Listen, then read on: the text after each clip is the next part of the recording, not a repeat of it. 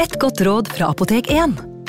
Nå er snart pollensesongen i gang, og et godt råd til deg som sliter med pollenallergi, er å begynne behandlingen i god tid før allergisesongen starter.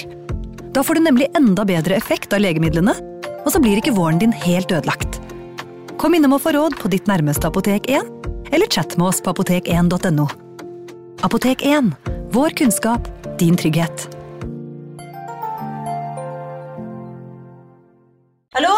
Jeg kommer fra Oslo politikammer.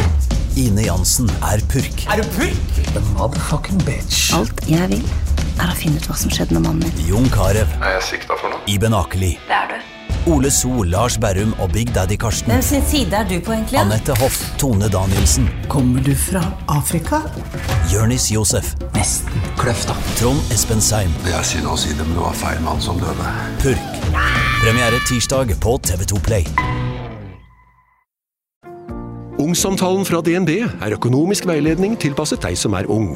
Bokk en ungsamtale på dnb.no. slash ung. Det er kjempebra hvis du skal inn på boligmarkedet, hvis det er drømmen din, liksom. Det er det du skulle sagt. Og så kunne du ropt litt mer, da, sånn som jeg gjorde. Bam! Advarsel. Historiene vi forteller i denne podkasten kan være fiktive og avvike fra den opprinnelige historien av dramaturgiske årsaker. Meninger og påstander i historiene reflekterer nødvendigvis ikke programledernes meninger eller virkeligheten.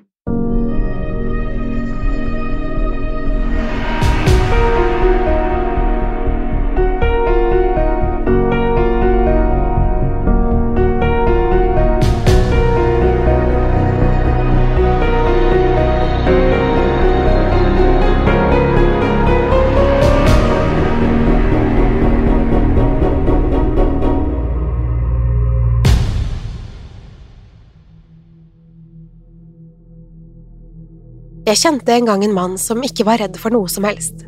Ingenting kunne knekke ham. Hver gang noen nevnte ordet overnaturlig i nærheten av ham, dukket opp et kynisk glis i munnviken hans. Fryktløsheten skulle både være hans største styrke og dødeligste svakhet.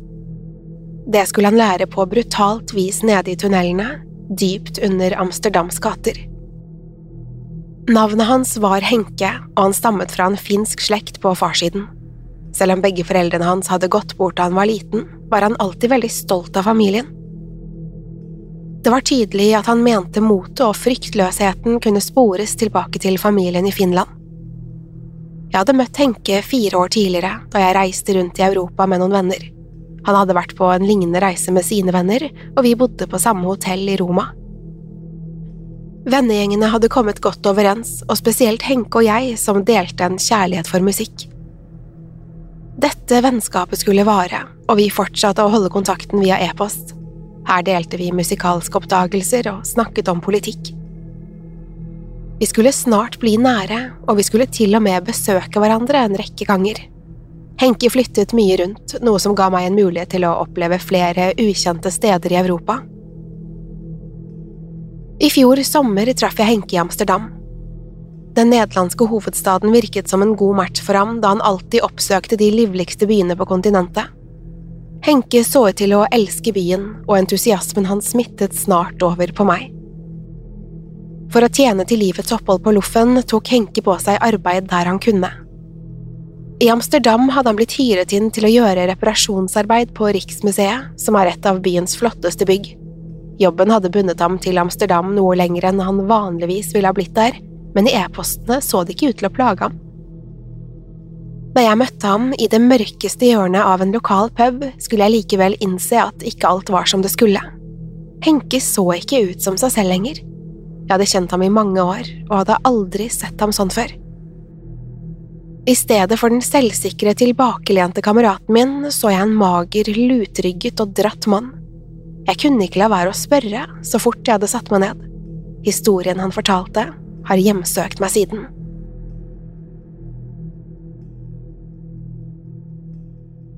Henke jobbet som ingeniør og hadde blant annet renovert Riksmuseet. Dette var hjem til Nederlands største samling av historiske gjenstander.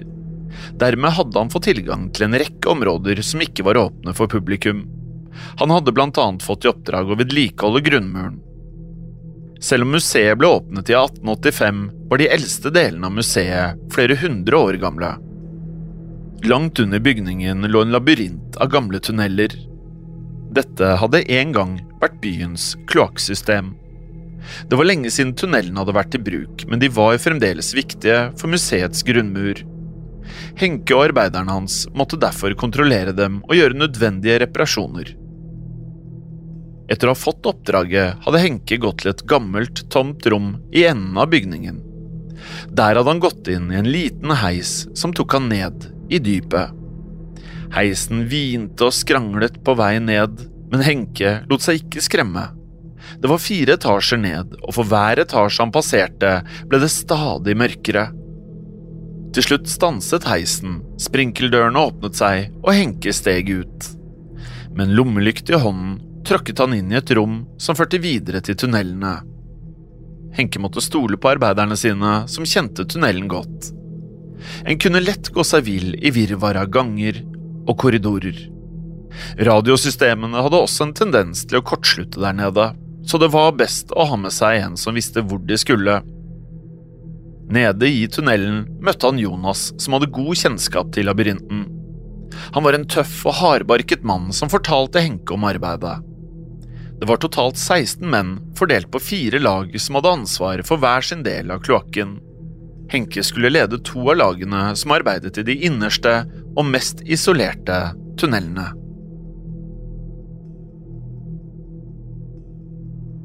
Etter å ha gått i 15 minutter fant Henke frem til seksjonen hvor han skulle arbeide de neste månedene. I det fjerne hørte han driller og banking fra arbeiderne som installerte lyssystemer. Mens han gikk, la han merke til tunnelene som strakk seg i alle retninger. Ingen av dem var helt like. En krummet seg over 100 meter og ble til en slags halvsirkel. En annen snudde seg i rette vinkler. En tredje snodde seg frem og tilbake, som i en unaturlig S-form.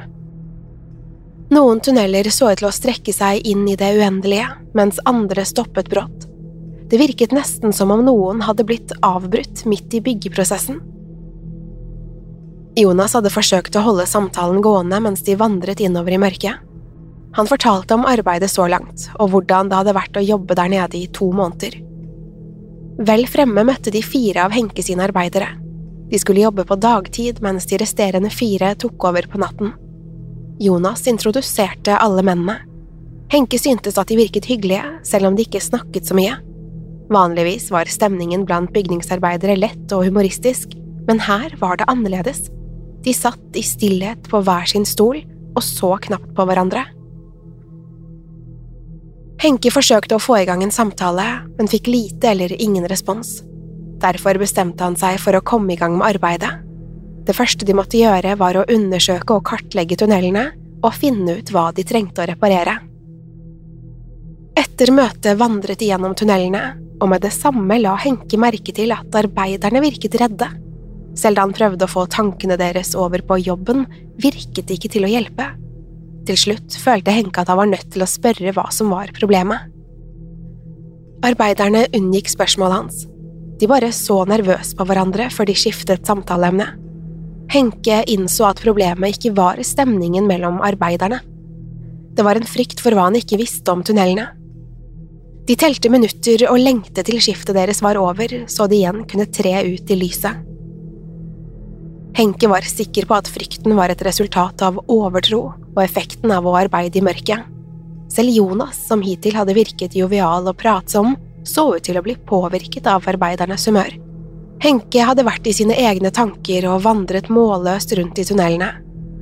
Han skulle til å dra en spøk om at de kunne forlate ham i mørket hvis de ikke syntes han var en god sjef, men i neste øyeblikk innså Henke at han faktisk var alene. Arbeiderne var ikke lenger bak ham.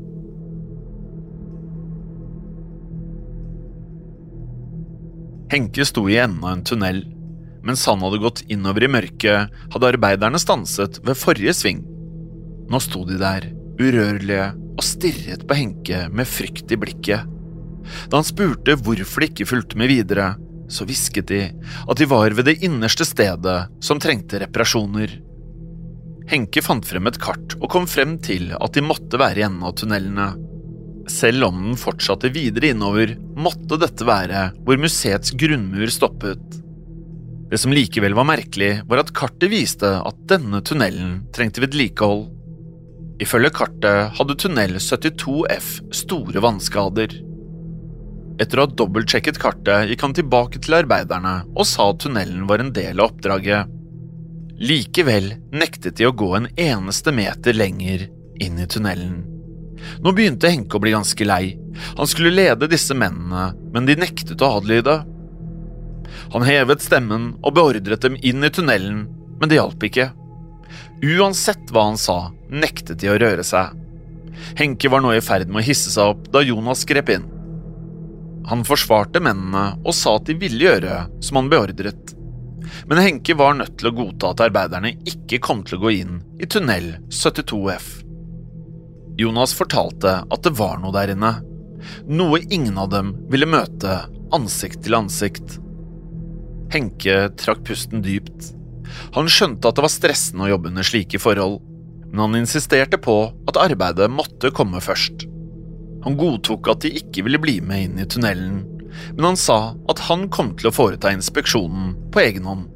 Da Henke begynte å gå innover i den forbudte tunnelen, protesterte arbeiderne voldsomt. De ropte etter han og ba han komme tilbake. Men Henke bare fortsatte innover i mørket. Han nektet å la seg stanse av overtro og skrøner. Det var ikke noe å være redd for i tunnelene, og nå skulle han bevise det. Til å begynne med virket tunnelen som alle andre av sitt slag. Likevel skulle han snart innse at den var ulik noen kloakk han hadde vært borti tidligere. Jo dypere han gikk, desto mer ufremkommelig ble den. Gulvet var ujevnt, og tunnelen snodde seg frem og tilbake. Det merkeligste var likevel hvor ustabilt underlaget føltes under føttene hans. Gulvet var dekket av tykt, oljete vann som til tider nådde ham helt opp til knærne. Henke gikk forsiktig gjennom det illeluktende vannet, ikke fordi han var redd, men for å forsikre seg om at han trådte stødig. Vannet må ha ligget der lenge, for det hadde samlet seg opp en forferdelig råtten stank som trengte inn i neseborene hans. Veggene i tunnelen virket langt eldre enn i de andre tunnelene. Hva enn de var bygget av, måtte de være hundrevis av år gamle, og fulle av sprekker og ødeleggelser. Lyset fra hodelykten hans var nok til at han kunne se et stykke fremfor seg. Han var sikker på at tunnelen ville lede til en blindvei til slutt, men innså i stedet at den smalnet og fortsatte videre. Henke gikk og gikk til han nesten måtte bøye seg for å ikke skalle, og snart nådde han en krapp sving i tunnelen. Nysgjerrigheten for hva som gjemte seg bak svingen var i ferd med å ta overhånd. Likevel følte han at han hadde gjort det han var kommet for. Nå kunne han stolt gå tilbake til arbeiderne og bevise at det var trygt. Nå ville han be dem legge frykten bak seg og følge ham ned i tunnelen. Henke fant frem walkietalkien sin og ga beskjed om at Jonas og arbeiderne skulle møte ham der han sto. Ingen svarte. Det eneste han hørte, var en statisk summelyd fra høyttaleren. Det var da han husket advarselen om at radiosystemene hadde en tendens til å svikte der nede i tunnelene. Henke var i ferd med å snu seg og rope til mennene sine, da han plutselig fikk et glimt av noe i øyekroken. Det kunne ikke være sant. Det var ingenting annet i tunnelen enn ham selv og det stinkende vannet. Likevel hadde Henke en snikende følelse av at det sto noe i enden av tunnelen og stirret på ham. Han kunne ikke se skikkelig rundt svingen i tunnelen, men han var sikker på at han kunne skimte noe stikke ut fra hjørnet. Det kunne minne om et skjorteerme som utvilsomt satt på en arm.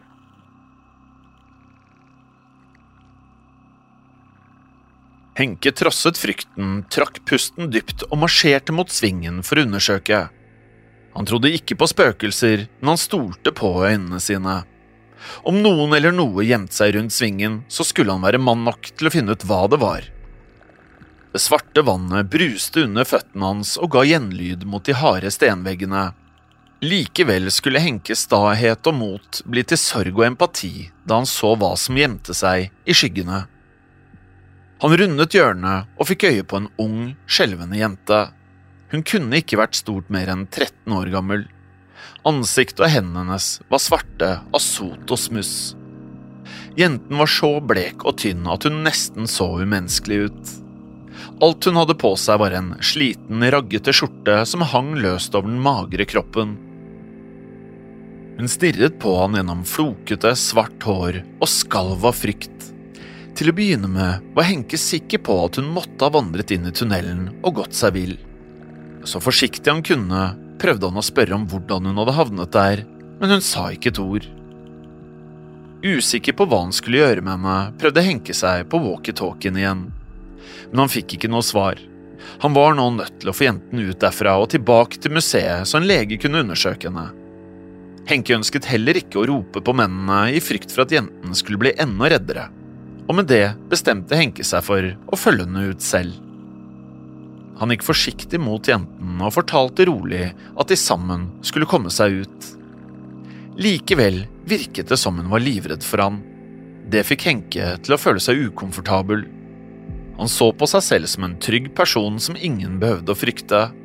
Uten å lage en eneste lyd løftet jenten en finger og pekte mot Henkes hodelykt. Med ett innså Henke at lyset måtte ha skremt henne. Derfor dro han av lykten av hodet, og han holdt den opp foran henne for å vise at den var helt ufarlig. Lykten lyste opp jentens forskremte ansikt. Det var da han la merke til skjorten hennes, som var revnet. Men lyset skulle også avsløre noe dypt forstyrrende.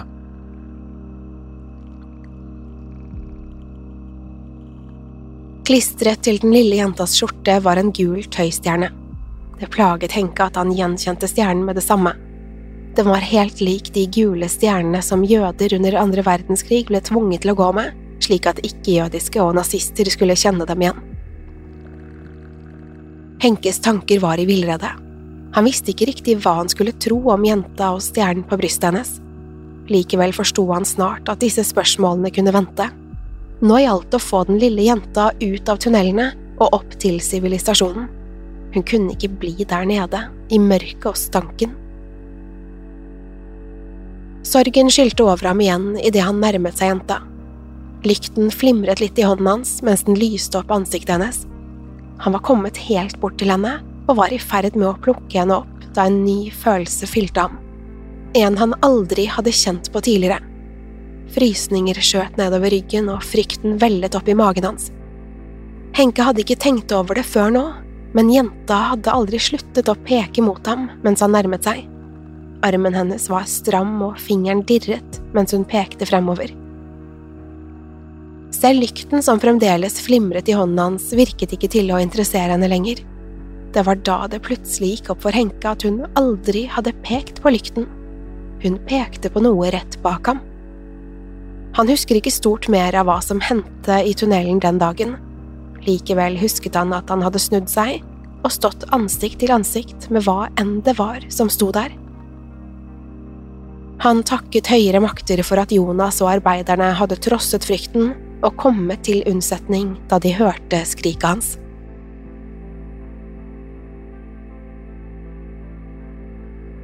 Henke hadde kommet til seg selv da de var trygt tilbake på kontoret. Han tryglet arbeiderne om å ta han med til heisen og ut av tunnelene. De gjorde som de fikk beskjed om.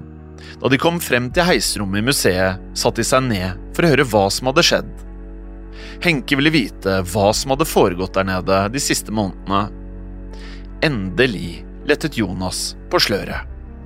Jonas fortalte at den første inspeksjonsgruppen hadde funnet tunnel 72F, og at samtlige hadde sagt opp jobben den første natten. En uke senere ble en arbeider funnet død i sitt eget hjem.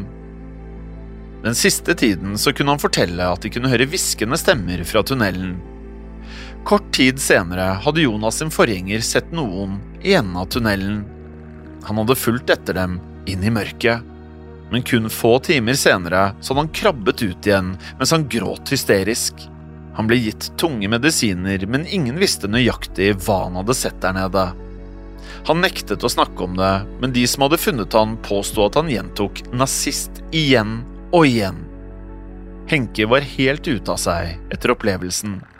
Han beordret at ingen skulle gå inn i tunnel 72F. Han fortsatte å arbeide der, i mørket, Henke hadde sett noe så fryktinngytende at hjernen hans hadde tvunget han til å glemme det. Over de neste ukene så raste han ned i vekt. Han slet med å sove, og når han først fikk noen timer på øyet, våknet han av fryktelige mareritt. Han var alltid gjennomvåt av svette, men kunne aldri huske hva han hadde drømt. Tanken på at han var så redusert og påvirket av noe han ikke engang kunne huske, tæret på psyken hans. Stoltheten og selvsikkerheten hadde forsvunnet, og han visste ikke hvordan han skulle bli seg selv igjen. I et forsøk på å få klarhet i alt sammen, leste han så mye han kunne om tunnelene. Kunnskap er makt, og Henke mente at hvis han visste mer om mørket, så ville han være mindre redd for det. Han leste om museets historie, men han fant ikke mye konkret informasjon om tunnelene. Det var likevel én lokal myte som han bet seg merke i.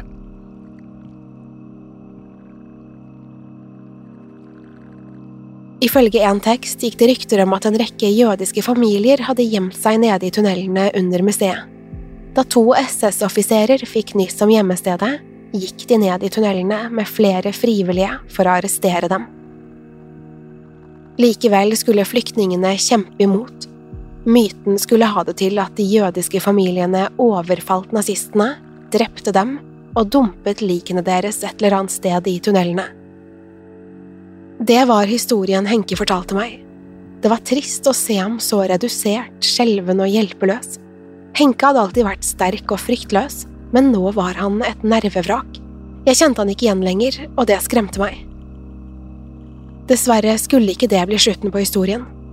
Henke klarte ikke å gi slipp på stoltheten sin helt, og trengte å føle seg sterk og modig igjen. Han hadde aldri fryktet noe, og nå var han bestemt på å konfrontere hva enn som gjemte seg i tunnelen igjen. Jeg prøvde å snakke ham fra det, men han hadde allerede bestemt seg. Tre dager senere ble liket hans funnet i åpningen til tunnel 72F. Kroppen hans var blitt tvunget inn i en gammel tøybag. Ifølge obduksjonen hadde han dødd av hjerteinfarkt. Det forklarte likevel ikke hvordan kroppen hans var blitt knust, forvridd og stappet ned i en liten bag. Det er verdt å nevne at selve bagen ble viktig for politiet i etterforskningen. Merket kunne spores, og på den måten ville de kanskje avsløre hvem som sto bak den grusomme mishandlingen. Bagen ble sporet tilbake til Tyskland og var blitt produsert for Forsvaret våren 1941.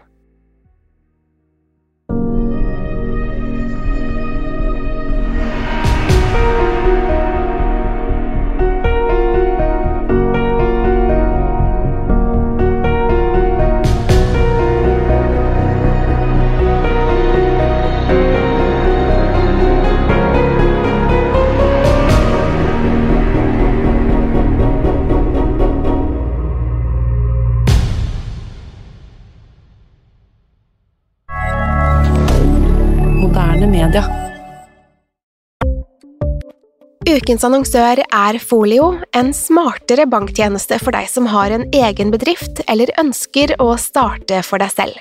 Folio er en superenkel nettbank for bedrifter. Som kunde i Folio får du en bedriftskonto med et bedriftskort og app. I denne appen er det smarte løsninger som forenkler regnskapet ditt, uansett om du har en liten bedrift eller et enkeltpersonsforetak. Folio er både intuitivt og brukervennlig, og er laget med et enkelt språk. I tillegg tilbyr de forutsigbare priser og ingen skjulte gebyrer.